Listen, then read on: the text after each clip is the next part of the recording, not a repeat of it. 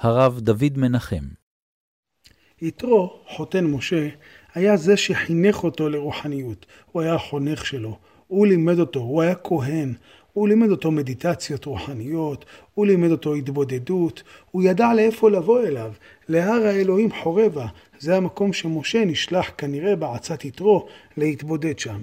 יתרו מגיע, והוא מבקש לראות את החתן שלו, לראות כמה הוא התקדם ברוחניות.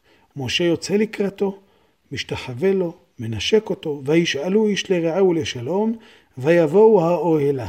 ואז משה מספר לו, ליתרו, את כל אשר עשה השם לפרעה ולמצרים על אודות ישראל, את כל התלאה אשר מצאתם בדרך, ויצילם השם. יתרו שמח ממה שהוא שומע, וייחד יתרו, על כל הטובה אשר עשה אדוני לישראל, אשר הצילו מיד מצרים.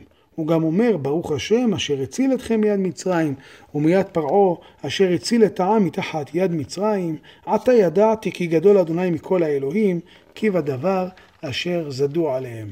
איזה יופי, איזה נפלא, יופי. אנחנו שייכים לאותו עולם רוחני. אני שמח מאוד, אומר יתרו, אני שמח מאוד, משה, שאתה עדיין פועל בשליחות אלוהים, והנה אלוהים הציל את העם, אתה עדיין נמצא בעולם הרוחני.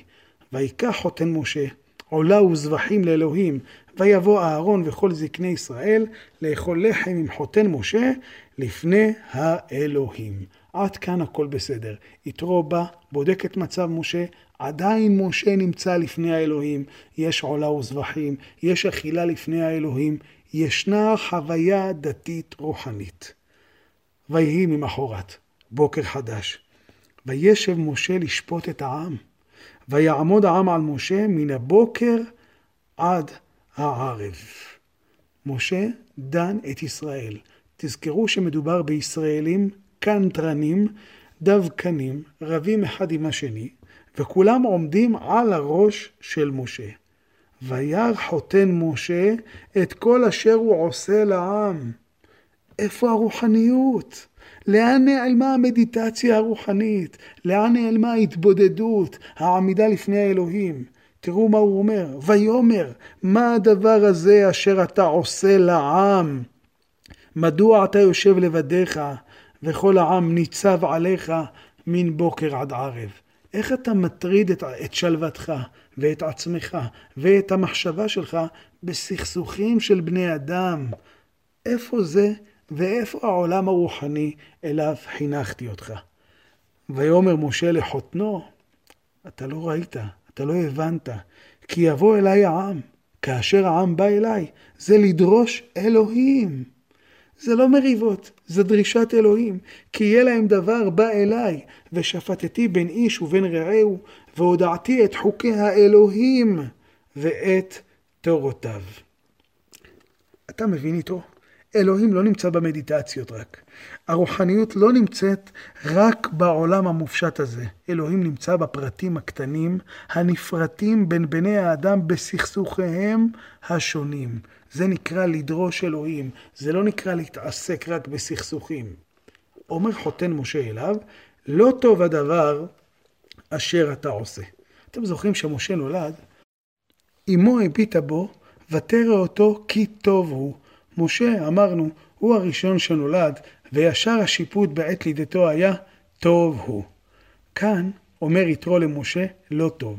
בספר בראשית נאמר, לא טוב היות האדם לבדו, שהאדם נמצא לבד זה לא טוב.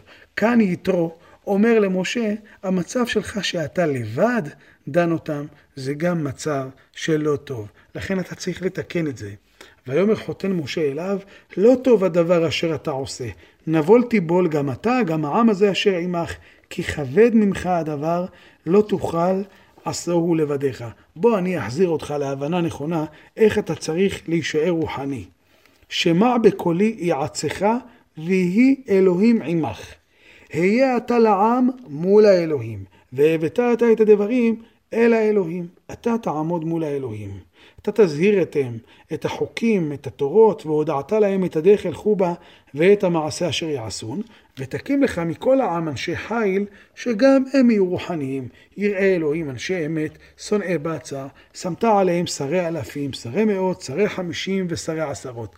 בוא תשתף עוד אנשים ברוחניות. אני מקבל את דבריך, אומר יתרו במילים אחרות למשה. אני מקבל את דבריך שזה עיסוק רוחני. אבל לא רק אתה לבד. תן לאנשים אחרים לעזור לך. ת, תפזר סמכויות. אבל עדיין יתרו מתבצר בעמדה הישנה שלו. קשה לו לראות במשפט כעבודת אלוהים.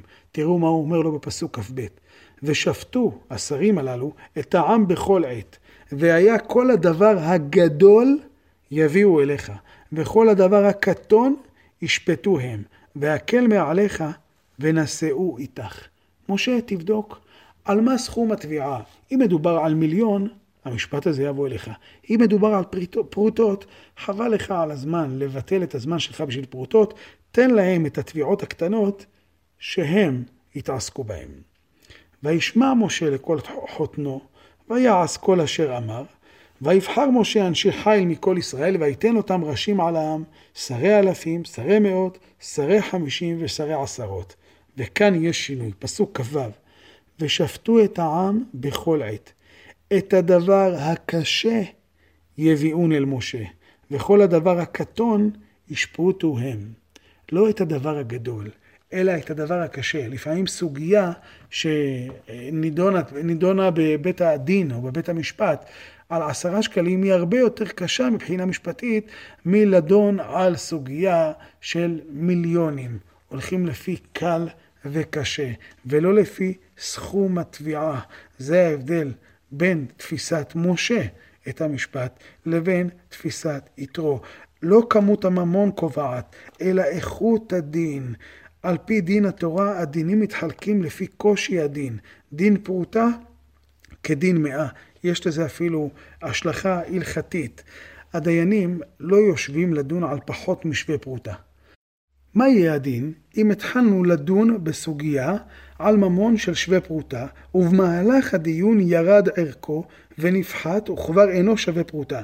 האם ימשיכו לדון או לא ימשיכו לדון? הרמב"ם ורבי יוסף קארו בשולחן ערוך, חושן משפט סימן ו', אומרים שצריך להמשיך לדון.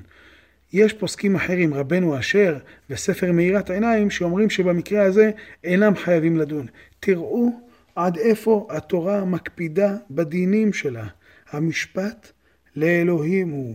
הוא לא תלוי בגודל התביעה, כי אם בצדק שבה, בצדק שיעשה בה. אין במשפט התורה דין שייסגר מחוסר עניין לציבור. הדין הוא עניין הקודש, והעניין הקודש הוא נצחי. המשפט לאלוהים הוא.